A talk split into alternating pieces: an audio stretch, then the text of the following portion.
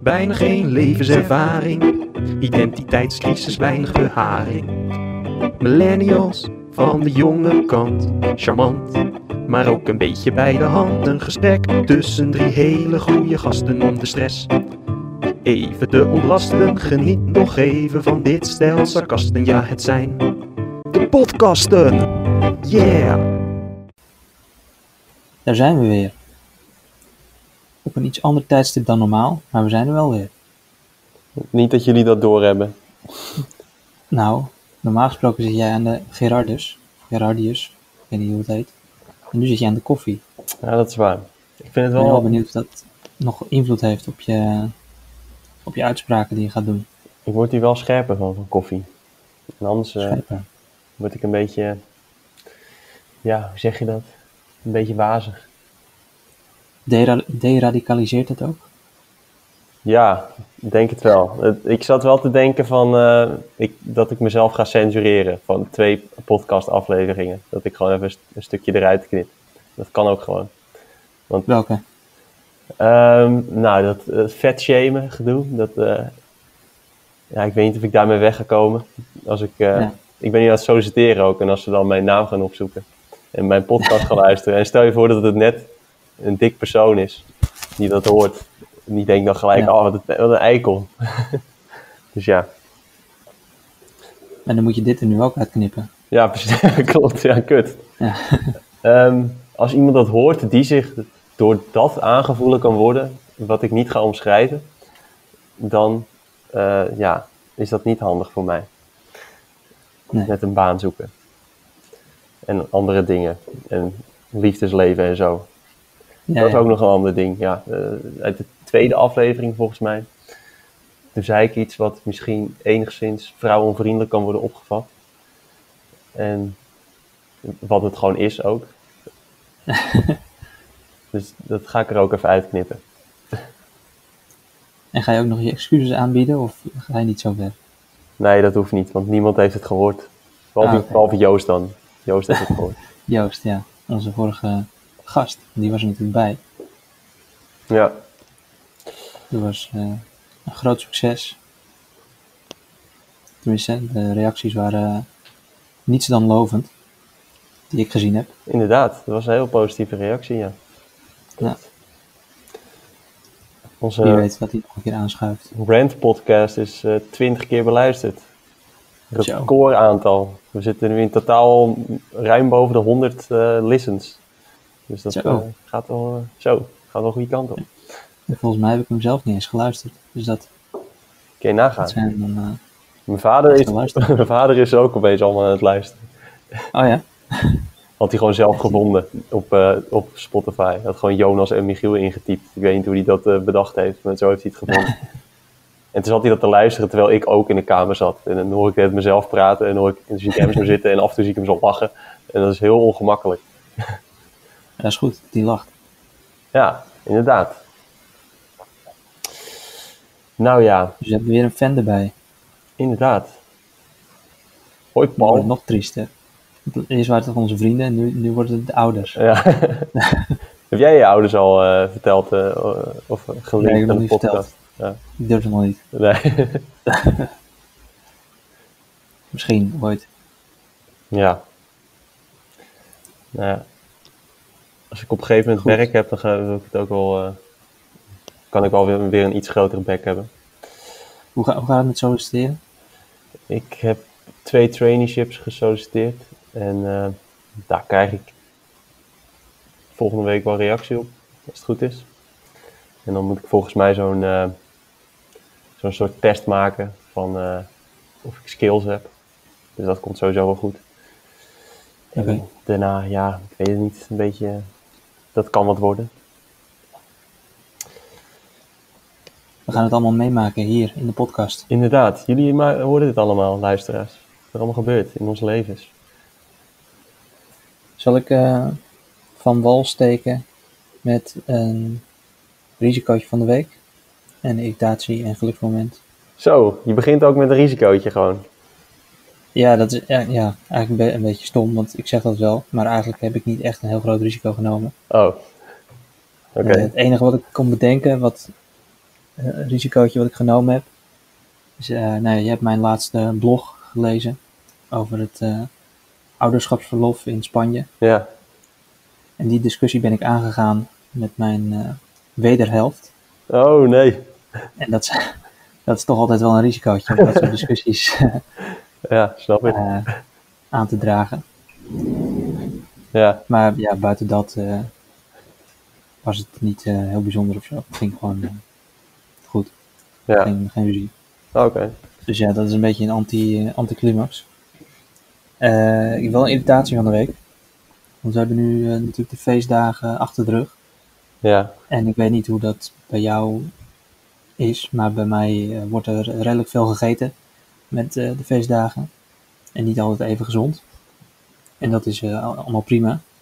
Want dan denk ik altijd van, nou, de- die weken daarna, dan doe ik het allemaal even wat, ga ik weer wat gezonder leven. En dan ga ik weer naar de sportschool en Ja, ja. drinken even wat minder alcohol. Maar nu zijn de sportscholen gesloten. Nee. Sinds afgelopen week. En nu moet je heel boos worden op dikke mensen. Nu moet ik boos worden op dikke mensen, ja. Nee, dus ik ben nu eh, ja, hier eh, in mijn eh, appartementje met een yogamatje en twee gewichtjes van 2 kilo. Oh. Van die elastieken die je tussen je benen kan doen. Ja. Ben ik druk, druk bezig. En hardlopen af en toe. Maar ja, dat is wel irritant. Ik had me er helemaal op ingezet. Na de feestdagen ga ik weer naar de sportschool. Maar ja, nu zijn ze dicht. Dus dat, Zaad. dat is kut. Ik ken het gevoel. Ja. Ja, ik heb het idee dat ik er wel iets minder mee zit dan dat jij er toen mee zat. Ja. Maar eh, het blijft wel eh, een irritatiefactor. Nou, geluksmoment eh, spreekt op zich, denk ik, voor... nou, ik ben natuurlijk in Nederland geweest. Dus ik heb mijn familie en vrienden weer kunnen zien en kunnen bezoeken. En dat, eh, dat zorgde voor eh, een hoop geluk. Zo. En daarbij had ik ook het geluk dat in Spanje is Drie Koningen ook nog een feestdag. Wat een soort van Sinterklaas ook eh, is, zeg maar, hier. Dus ik had nog een extra feestdag. En toen was ik weer hier in Spanje, 6, eh, 6 januari.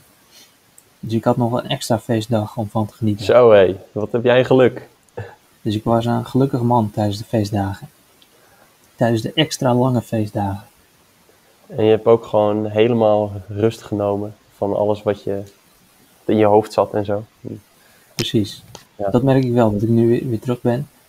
Komt ook alles weer eh De, terug qua de realiteit weer. eh, Ja, onzekerheid die ik hier eh, ervaar.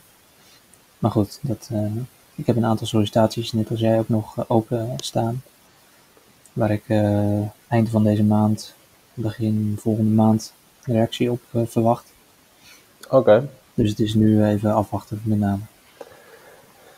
Spannende tijden. Spannende tijden.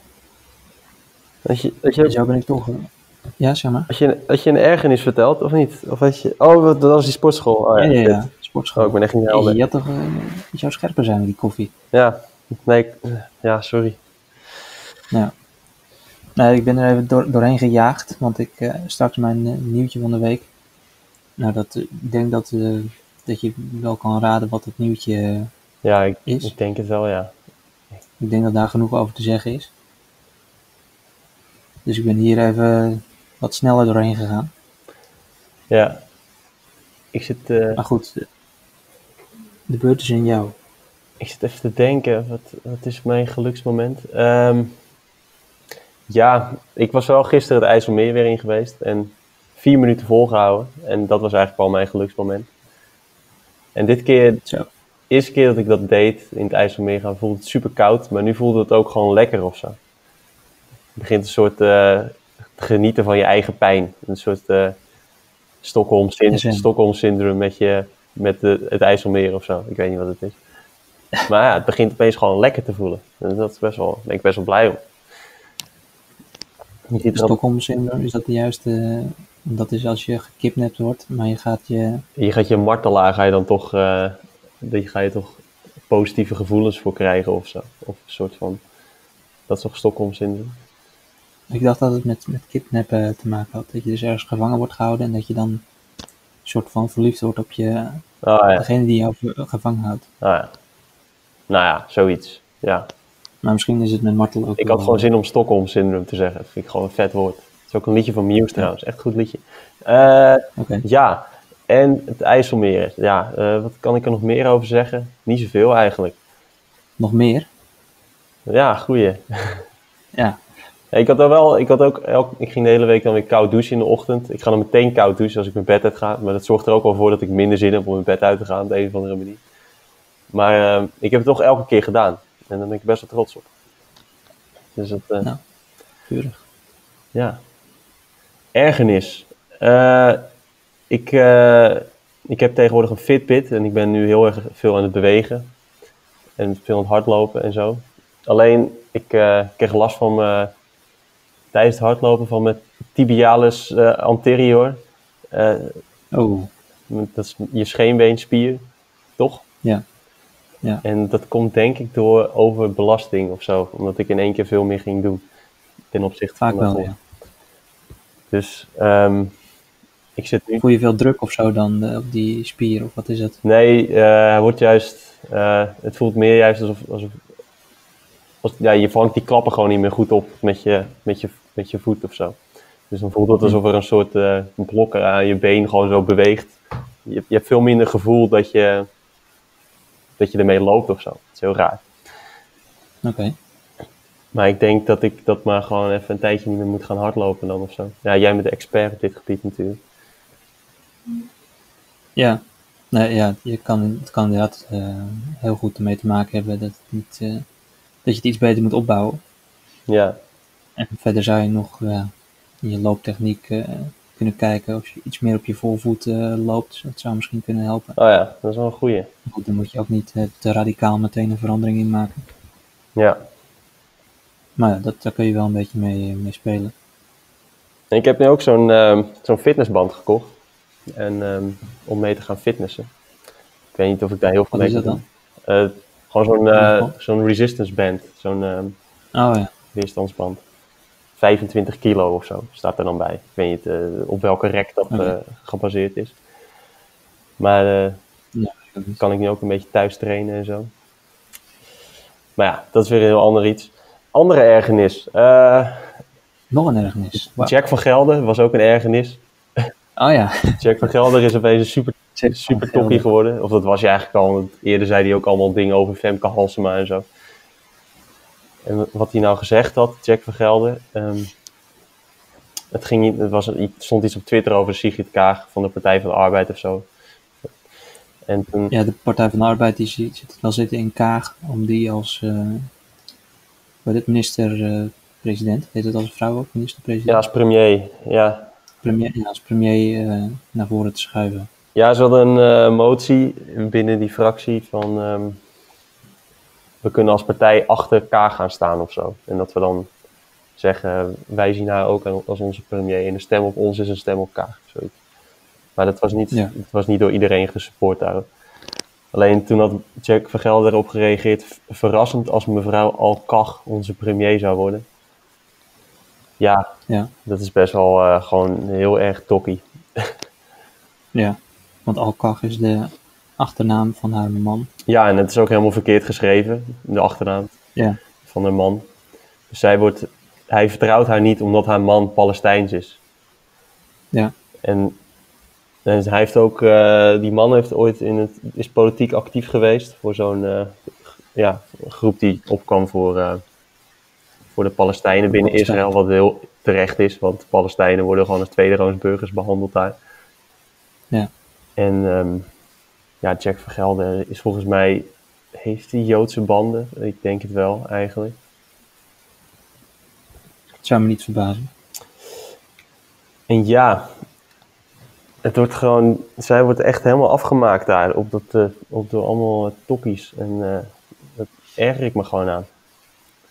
Ja, ik ook. Ik heb het ook, ik weet niet of ik dat eerder in deze podcast ook al gezegd heb. Nou, op een gegeven moment was er een filmpje van eh, mevrouw Kaag die ergens een zaal toesprak. Die gaf, ze gaf een soort van presentatie, geen idee waarover. Ja, Maar die presentatie gaf ze in het Arabisch. Want zij spreekt ook vloeiend eh, Arabisch. Ja, En toen eh, had Geert Wilders had daar dus een stukje uitgeknipt. Het ging helemaal niet over de inhoud verder. Het ging om het feit dat zij Arabisch sprak. En ze gaf blijkbaar een presentatie ergens in Nederland.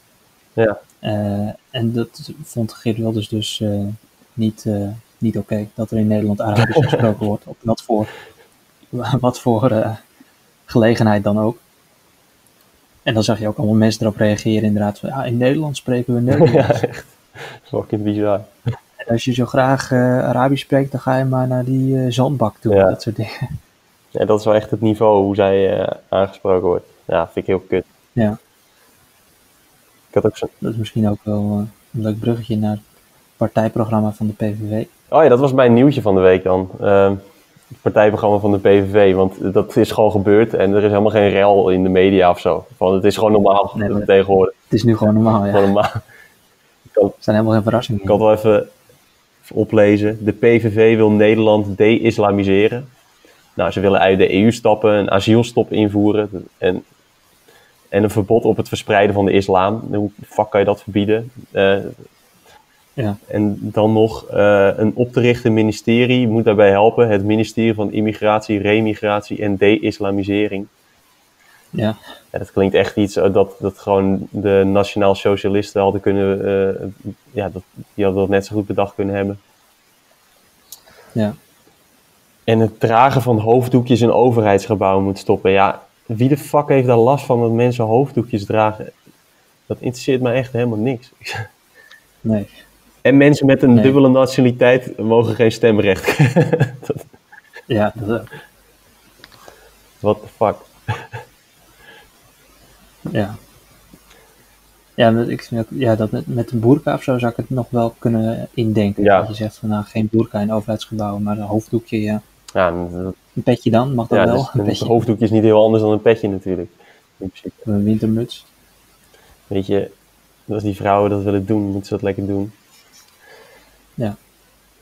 En dan is het, het is zo normaal geworden zelfs dat het Parool had, eh, had, had een artikel geschreven over de PVV-verkiezingsprogramma. En de titel was PVV in verkiezingsprogramma. 140 rijden en veel geld naar de zorg. Dus, eh, dus, dus, eh, Oh ja, 140 rijden ook, ja. Ja, dat, ja, die titel, ja.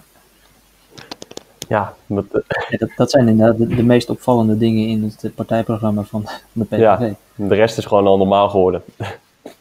Ja. Ja, wat kan je erover zeggen? ik vind het ook zo, zo mooi dan weer dat... Ja, de PVV die richt zich natuurlijk op eh, de islamisering. Maar ook dan omdat nu die, de snelheid terug is gegaan van, eh, op de snelweg. Moeten ze daar nu ook eh, een punt van maken. en dan moeten ze niet terug naar 130, maar naar 140 meteen helemaal. Kunnen ze dat ook nog even meepakken? Ja, En gewoon al die populistische dingen, die pakken ze allemaal mee. Net als pensioenen mogen niet eh, naar de EU of zo, wat dat ook mag betekenen. En eh, ja.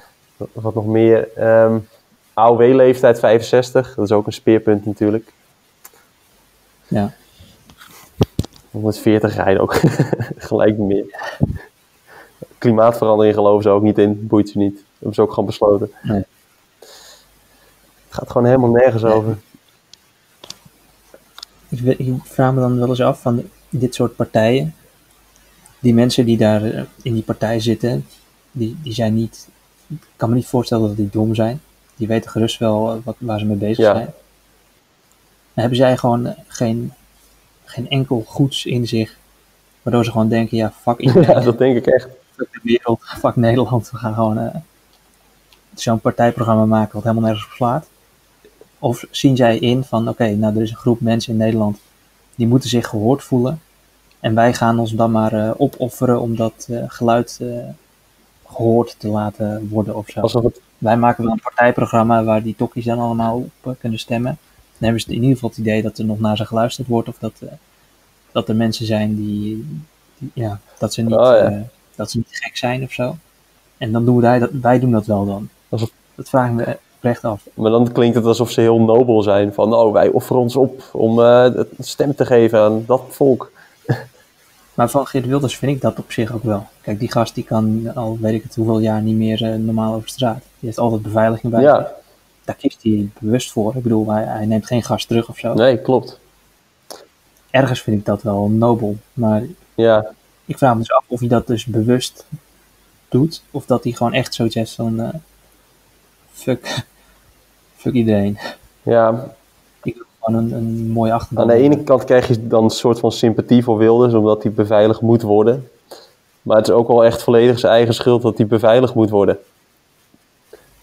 Ja, maar daarom vraag ik me dus af of hij dat bewust zo doet. Omdat hij dus inziet van nou deze groep mensen moet ook eh, een partij hebben om op te stemmen. Ja, Of dat hij eh, dat dus niet bewust zo doet, maar dat hij echt staat achter wat hij, wat hij ik zegt. denk dat hij wel echt eh, heel erg anti-islam is, dat sowieso. Dat hij daar wel echt het kwaad in ziet, in de islam. En al die andere dingen, dat interesseert hem volgens mij geen reet. Ja, volgens mij heeft, is hij ook nog wel een beetje links of zo, dat hij eh, met de de zorg. en zo, dat soort onderwerpen. Dus ja, ja, ik denk dat hij er wel echt achter staat. Ja. Maar een, hele hoop mensen die daarbij zitten, sommigen weten wel dat ze bullshit verkopen, zoals zo'n Martin Posma, die weet dat echt wel. Maar anderen zijn echt ook gewoon een best wel dom om te poepen. Zo'n Fleur Agema, dat hoor je gewoon. Dat- Daar zit niet heel veel in. Het is gewoon een beetje stom schreeuwen. Die gaat ook elke keer met Jaap van Dissel in discussie over wetenschap. Dat is ook zo fucking kansloos. Oh ja. Maar ja, Maar goed, zij, zij zal toch ook wel weten dat eh, het verbieden van eh, het verspreiden van de islam, dat dat ook helemaal niet haalbaar is als partijpunt. Dan moet je de grondwet wijzigen. Dan moet je, ja, Daar gaat wel heel, heel wat jaren overheen. En dan moet je volgens mij meer dan twee derde van de stem hebben in de ja. Eerste en Tweede Kamer of zo. ja, over een periode van zoveel jaar moet je, Ja. moet je dat... Ja, klopt. Twee stemmingen heb je volgens mij nodig. Ja. Ja, dat weten ze wel. Maar ja, ja populisme en zo, ja. Ja. Misschien alleen, eh, je kan ook best wel lekker verdienen in de Tweede Kamer. Al die mensen zouden op geen enkele manier succesvol zijn ergens anders in het leven. Ja, dat is ook weer zo, ja. Ja. Nou, over het populisme gesproken, daar gaat mijn Mooi bruggetje. ook over. Ja, ja, ik ben van de bruggetjes Ja. vandaag. Eh, want mijn nieuwtje gaat natuurlijk over de bestorming van het Capitool in Washington. Ja, Ik had daar een beetje hetzelfde gevoel als wat ik had toen de, nou ja, de, de bom bij het FVD eh barstte. Dat, nou, Trump heeft natuurlijk vanaf moment 1 dat er gesproken werd over de verkiezingen in 2020, heeft hij al op voorgesorteerd dat deze verkiezingen niet eerlijk zouden verlopen. Daarna heeft hij natuurlijk eh, na elke dag meerdere keren zijn eh, achterban eh, kenbaar gemaakt dat de verkiezingen niet eerlijk waren verlopen en dat, eh, dat er gevochten moet worden voor de overwinning, of weet ik het allemaal. Allemaal opruiende teksten. ja, Ehm, en op het moment dat ook daar dus de bom barst en nou, de mensen het kapitool bestormen, nemen opeens alle, of tenminste een, een groot deel van de Republikeinen, zeggen nu opeens van ja, nee, dit, nu kan ik Trump niet meer eh, eh, supporten. Ja. Nu gaat het te ver.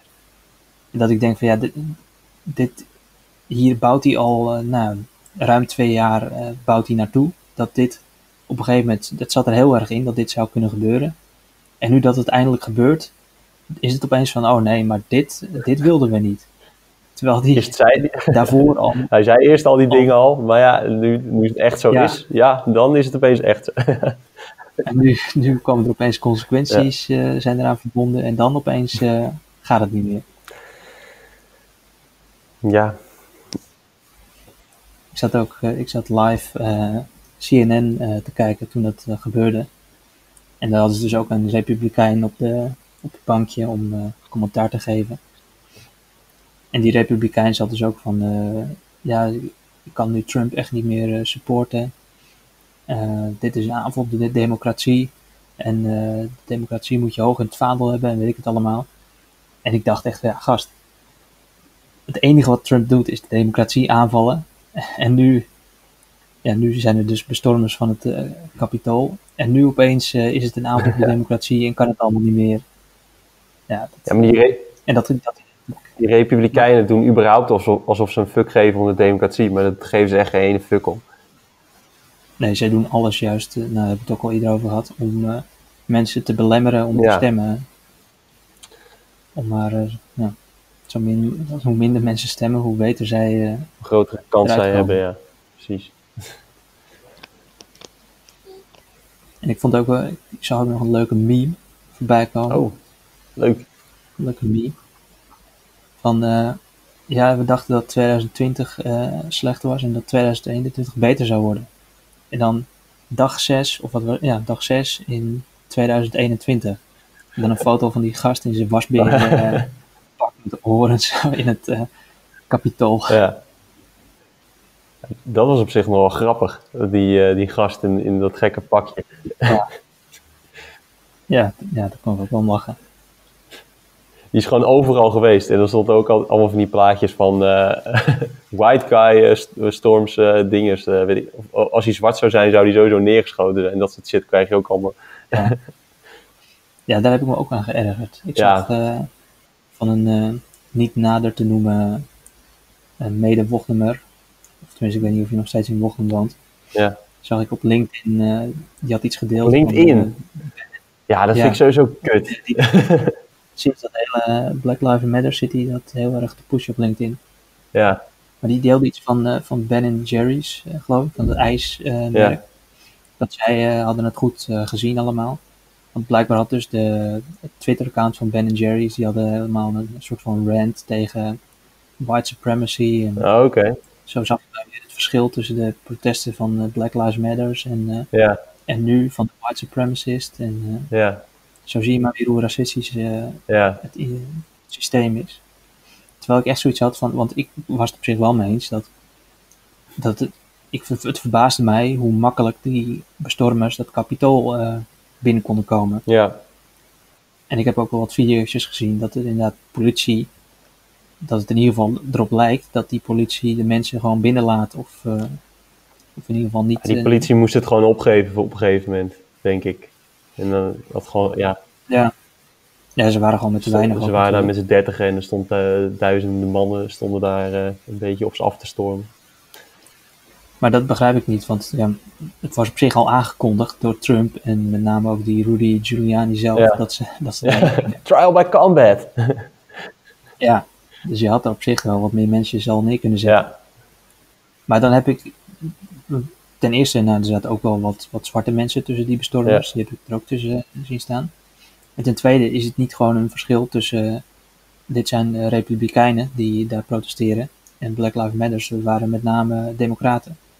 En eh, nou ja, Trump die heeft daar best wel, en die heeft, nou, ten eerste heeft hij zijn eigen mensen op de goede plekken zitten. ja, En ten tweede eh, heeft hij zelf ook dan op een gegeven moment dat die Black Lives Matter daar stonden te protesteren bij het Capitool, heeft hij opdracht gegeven om dat hele plein leeg te vegen, zodat hij op een gegeven moment naar een, een kapel of zo kon lopen met, zijn met de Bijbel omhoog. ja, Dus hij heeft daar gewoon invloed op van hoe hard daar wordt ingegrepen. ja, Dus dan, ik zag dat eerder, ik zag dat helemaal niet als een wit tegen zwart iets. Ik zag dat als een republikein tegen democraat. eh, En sowieso en nu is het natuurlijk, werkt het echt voor geen meter om allemaal van die incidenten, om daar dan allemaal conclusies aan te verbinden gelijk. En, nee, maar ja, je hebt wel gelijk, ja.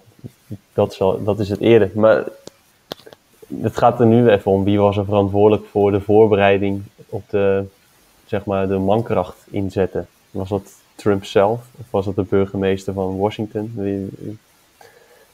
Ja, dat weet ik ook niet. Maar volgens mij wel die, die nationale garde, zeg maar, die ook eh, heel laat pas Ja, die kan alleen Trump inzetten. Volgens mij is dat wel. Ja, En het schijnt dat Pence hem had ingezet uiteindelijk. Trump zei dat hij het zelf had gedaan. Het schijnt dat Pence dat gedaan Ja. heeft. Pence heeft een, slechte beurt gemaakt bij, eh, Ja. bij Donald. Die heeft hij meteen laten vallen ook, daarna. Pence het lijkt nu opeens een fatsoenlijke kerel, maar dat is echt een fucking randebiel, jongen, die Pence. Ja. Echt gestoorde shit allemaal, allemaal gezegd. Hij is ook heel, heel raar met zijn vrouw of zo. hè. Hij, hij, gaat, nooit, hij gaat nooit ergens heen eh, zonder zijn vrouw. Echt? Want hij is heel, ja, heel conservatief christelijk en ja, hij kan niet dan bij andere vrouwen zijn zonder dat zijn vrouw erbij is of zo. Ja. Zo vaag. Dat is sowieso stom in die Amerikaanse politiek. Je moet ten eerste moet je het God bless America zeggen. En je moet Ja. ook een gezin hebben. Want als je geen gezin hebt, maak je ook al geen kans. Je hebt wel een gezin nodig die er dan een beetje zo zielig bij staat. Van, oh ja, die supporten mij in alles wat ik doe. Ook al is het gezin van Trump eh, ook niet altijd even hecht. eh, Maar dat was dan wel weer leuk. Dat was echt zo'n atypisch gezin. Trump-gezin. Dat was gewoon een bij elkaar geraapt zootje. Van eh, wappies. Ja. Ja, dat was ook wel mooi. Ik zag laatst ook op Twitter. Dat had Trump zelf volgens mij geretweet. Toen hij nog op Twitter. Oh, ja.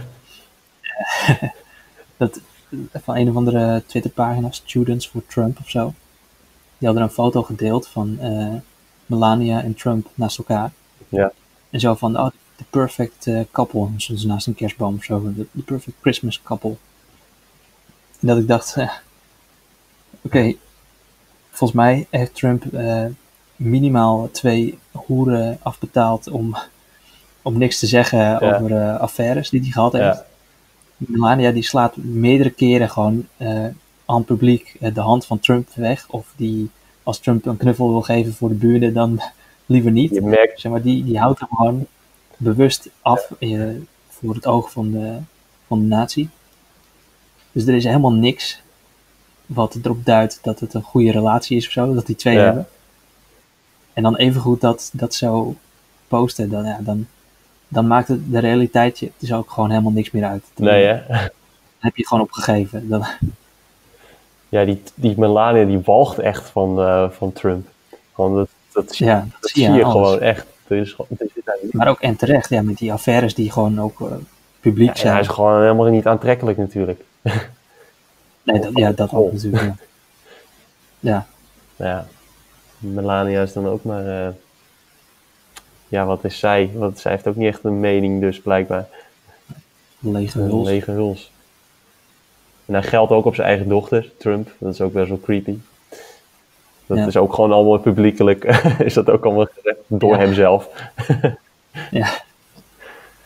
Ja, En hij komt niet naar de inauguratie van Biden. nou ja, maar goed ook. Pence wel. Pence komt wel. Oh, leuk. Ik denk dat Pence nu denkt van nou, nu, nu kan ik eh, over vier jaar misschien wel Ja, die eh, gaat het proberen, hè? kans. Ja, dat denk ik wel. Ja, maar dat zei eh, Thijs van der Brink ook in op één. Van ja, Thijs van der Brink is nu in Amerika kennen, want hij is één, twee keer daar geweest. Ja, hij is Die geweest. de normale, de normale burgers spreken, of de christelijke mensen. En het waren Ja. toch allemaal fatsoenlijke mensen. En die zeiden van ja, eigenlijk vinden we Pence nog beter dan Trump. Ja, Ja,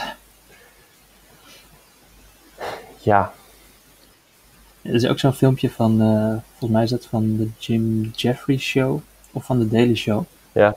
Dat ze, dan gaan ze, dat was eh, vier jaar geleden dat Trump net eh, aangesteld was.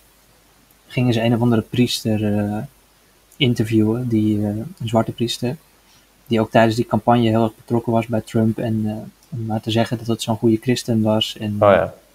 dat de mensen op hem moesten stemmen. En dan wordt hij dus ook een beetje voor het blok gezet, zo van ja, waarom is Trump zo'n goede christen dan? En zegt hij, ja, want hij heeft een gezin en eh, een vrouw waar hij van houdt. En, ja. en dan, dan zegt die, die interviewer, die zegt zo van, oh ja, één of, of twee of drie vrouwen. Want toen speelde ook een aantal affaires, die speelden toen, ja. En hij is ook twee keer gescheiden. En dus hoeveel vrouwen moet je dan hebben om een goede christen te zijn? ja. En, en die, je ziet die, die priester echt in allemaal hoeken en, en bochten zich wringen om, om die, die vragen maar een beetje te ontwijken en te beantwoorden. Ja. Maar het is ook zo schrijnend om te zien dat die gast dus, ja, die steunt Trump om een of andere reden. Ik weet niet Geld. Eh, waarschijnlijk geld, ja. Nou, zeker geld, maar ik weet niet precies hoe dat dan gefinancierd wordt of zo. En dan zich in allerlei, allerlei bochten wringen om maar te laten blijken dat Trump toch wel een echte christen is. Ja, Terwijl hij dat op elk vlak gewoon dat is niet hij duidelijk niet. Dit zit geen Nee. Nee. Maar dat vind ik zo schrijnend om te zien. Dat, dat het mensen dus helemaal niet meer uitmaakt wat, wat de waarheid is. Maar dat mensen dus gewoon in een soort van... En daar is het nog erger dan, dan hier. Omdat je daar een soort van tweesplitsing hebt in, nou, door het twee partijen systeem. En als je dan in dat ene kamp zit, dan zijn er dus een hele hoop mensen die...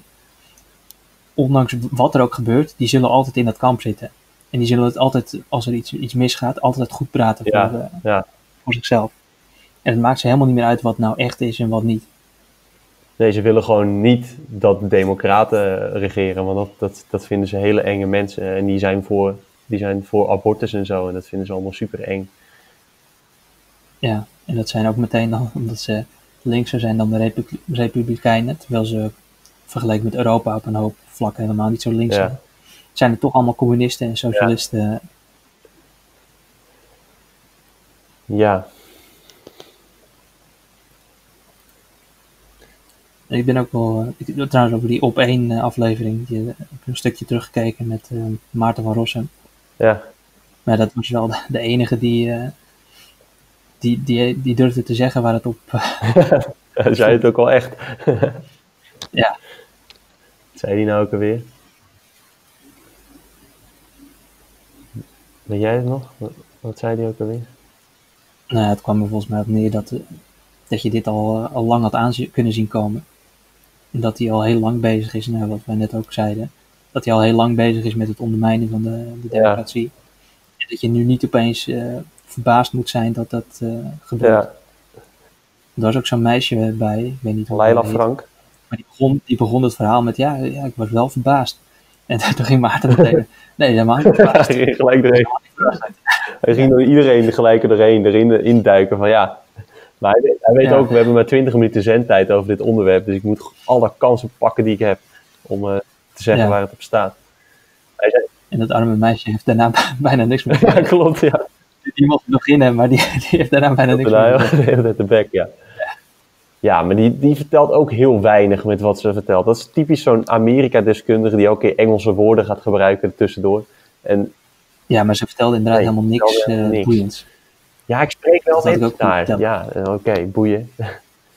Ja, ik was heel verrast, want eh, ja, het is wel, eh, het is wel heel extreem. Dit hebben we nog nooit eerder meegemaakt. Maar die presentatrice van Op1, die begon al zo van... oh, misschien is het wel de start van een burgeroorlog. En toen hoorde je gelijk Maarten van Rossum er aan schreeuwen. Nee!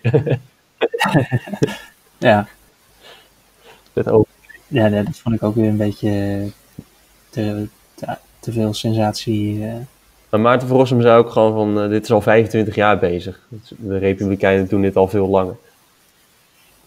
ja, sinds eh, Bill Clinton, volgens mij, zei die. hè. Ja, Misschien dat ik het ergens anders heb gelezen of zo. ja zoiets. Het schijnt sinds Bill Clinton al zo te zijn. Ja, Maar ik ben wel benieuwd ook waar het nu, eh, waar het nu heen gaat. Of het nu een beetje het hoogtepunt heeft bereikt en het nu rustig af gaat koelen. Of dat het alleen nog maar verder gaat. ik denk dat... ehm, dat over vier jaar dat, dat, het niet, dat, dat ze niet bij elkaar gaan komen meer. Dat, dat- of zo. Dat, Biden gaat ze niet uniten. Dat gaat hem echt niet lukken. Volk. Nee, Ook al wil hij dat. Obama probeerde het ook. Die zei ook... eh, oh, dan moet je zo'n Engels term zeggen. There are no blue states or red states. There's only the United States of America. ja. Ja, ik hoorde ook, eh, dat zei ze op CNN, dat er dus bij de Republikeinen bepaalde groepen waren die het dus nu echt gehad hadden. Ja. Die zich misschien wilden afsplitsen. En dat de, de Republikeinen dus een beetje uit elkaar vallen in eh, verschillende groepjes. Maar dat zou dus, dat, dat wordt nooit, eh, dat gaat nooit gebeuren. Want zodra die Republikeinen opsplitsen, Ja, betekent dat dus eigenlijk dat de Democraten gewoon altijd gaan Ja, winnen. eh, de verkiezingen. Dus ze zitten ook helemaal vastgeroest in dat twee partijen eh, Het systeem. zou wel goed zijn als het eh, een beetje gaat opsplitsen. Democraten kan je ook wel opsplitsen in een linkse tak en een soort centrumtak of zo. Omdat, Ja. Maar ja, ze zitten in een soort gevangenendilemma. Want je kan alleen opsplitsen als je weet dat de ander dat ook gaat doen. ja. Ja, inderdaad. En als de een opsplitst en de ander doet het dan niet, ja, dan heb je dus, eh, jezelf buitenspel gezet. Ja, Wij zijn eigenlijk ook best wel Amerika-deskundigen. inderdaad. Wij hebben meer zinnigs te zeggen dan die gasten bij, bij op één Die, aan tafel. die zeggen echt helemaal niks. Iedereen is ook opeens Amerika-deskundige. Die, die eenvoudige journalisten, die zijn dan Amerika-deskundigen. Ja. Jij, bent, jij bent ook een keer in Amerika geweest, toch? Ik ben two times, I've been in the America, in the, in the United States, two times, twice.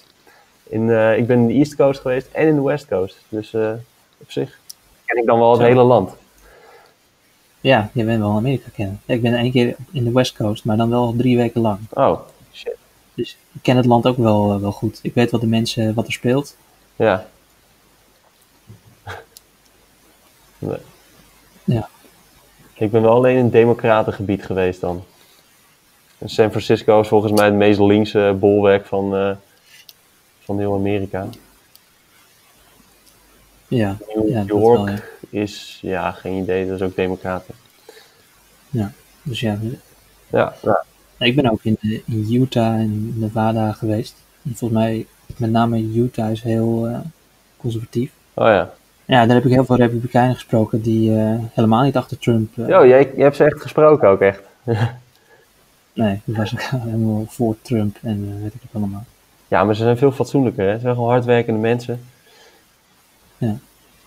Gewoon christenen. Ja, precies. Ja, Mitt Romney is senator in Utah. Mitt Romney die heeft ook allemaal achterlijke ideeën over abortus en zo. Hij is nog Ja. wel eh, gewoon netjes, in politiek gezien is hij gewoon, eh, respecteert hij gewoon alles eigenlijk. Ja, hij was tegen eh, Obama toch ook, eh, nam hij het op? Ja, klopt. Ja, net als McCain. Ik vind het wel bijzonder dat, dat... Het is eigenlijk wel gek dat het zo lang heeft geduurd voordat er een gek als Trump aan de macht zou komen. Ja, Bush was ook al best wel gek eigenlijk. Maar McCain en Romney waren op zich al fatsoenlijke mensen. Wat dat betreft. Ja, met name McCain, eh, Ja. vond ik in ieder geval. Maar ja, Ja, maar ik vind ja, Trump nog wel een ander level eh, dan Bush. Trump is ook echt gewoon een, een, een mediagast. ja, Is gewoon, eh, Bush is nog een beetje politici, zeg maar. En Trump is gewoon een schaamteloze eh, rich kid die, eh, Ja. die een paar televisieprogramma's heeft gepresenteerd. ja. Ja, inderdaad. Echt een geboren populist. Ja. Maar eh, heb je nog eh, meer eh, dingen van je... De recente Nee, ik denk ontwikkelingen? dat ik alles wel een beetje gezegd heb wat, wat ik wilde zeggen over de verkiezingen. Of nou ja, niet meer de verkiezingen, maar de transitie van macht in de Verenigde En Staten. het is wel, wel goed nieuws dat, dat Georgia, dat daar eh, de Democraten hebben gewonnen. De twee Ja, senaatzetels. dat is inderdaad dat is echt... eh, Een beetje ondergesneeuwd. anders konden ze gewoon helemaal geen fuck eh, uitvoeren de komende twee jaar sowieso al. En nu wel. Nu Nee. kunnen ze alles doorvoeren. Anders zou Ja, Mitch McConnell ze alles tegenhouden. Ja, Mitch McConnell, ja. Ook zo'n vreselijke man. Ja, die heeft gewoon eh, de hele Obama-regeerperiode heeft hij gewoon verneukt. Door gewoon overal tegen te zijn. Gewoon eh, Ja. per definitie. Overal nee. Nou ja, als ze nu weer even uh, Parijsakkoord weer even gaan joinen. Ehm, Iran-deal of zo. Iets met kernwapens. Dat ze dat weer ondertekenen. Dat schijnt belangrijk te zijn. Ja. En Ja, en het internationaal strafhof eh, mogen ze ook wel eens eh, herkennen ondertussen. misschien ook weer de World Health Organization sponsoren. misschien is dat ook wel aardig. Ja, dat zou ook mooi zijn. ja, dat was ook best wel bizar. Ja, Maar ja, als ze dan nu allemaal die dingen gaan doen, internationaal, dan over, als over twee jaar ehm, of over vier jaar weer een republikein wint en dan wordt het weer allemaal teruggedraaid. Maar, dus dan maar nu maar gewoon zoveel mogelijk doen. ja. Maar wat nu wel, eh, we hebben nu in ieder geval wel gezien dat als, als de mensen genoeg boeit om te stemmen, dus als er heel veel opkomst is, zoals bij de afgelopen verkiezingen, dan winnen blijkbaar de Democraten. Ja, dus het kan wel gewoon. Dus hopelijk eh, houden ze dat vast. En die bevolkingsgroep groeit als het goed is ook wel met immigratie en zo. Ja. En de Republikeinen hebben nu wel een heel slechte beurt gemaakt. Ja, zeker. Nou, dan maar eh jaar Biden en dan jaar Kamala Harris. Dat zou ook wel vet zijn. Wie weet. Dat lijkt me wel een mooi toekomstbeeld. Goed. Hopelijk, het, het was tijdens de feestdagen even wat eh, onregelmatiger qua, qua uploaden en opnemen. Misschien dat we nu weer lekker in de flow komen. En dan kunnen we onze luisteraars gewoon weer bieden wat, eh, Wat is van ons verwacht? wat we te bieden Ja. Hm. Inderdaad. Nou, fijn dat jullie geluisterd hebben. En tot volgende week. Tot volgende week.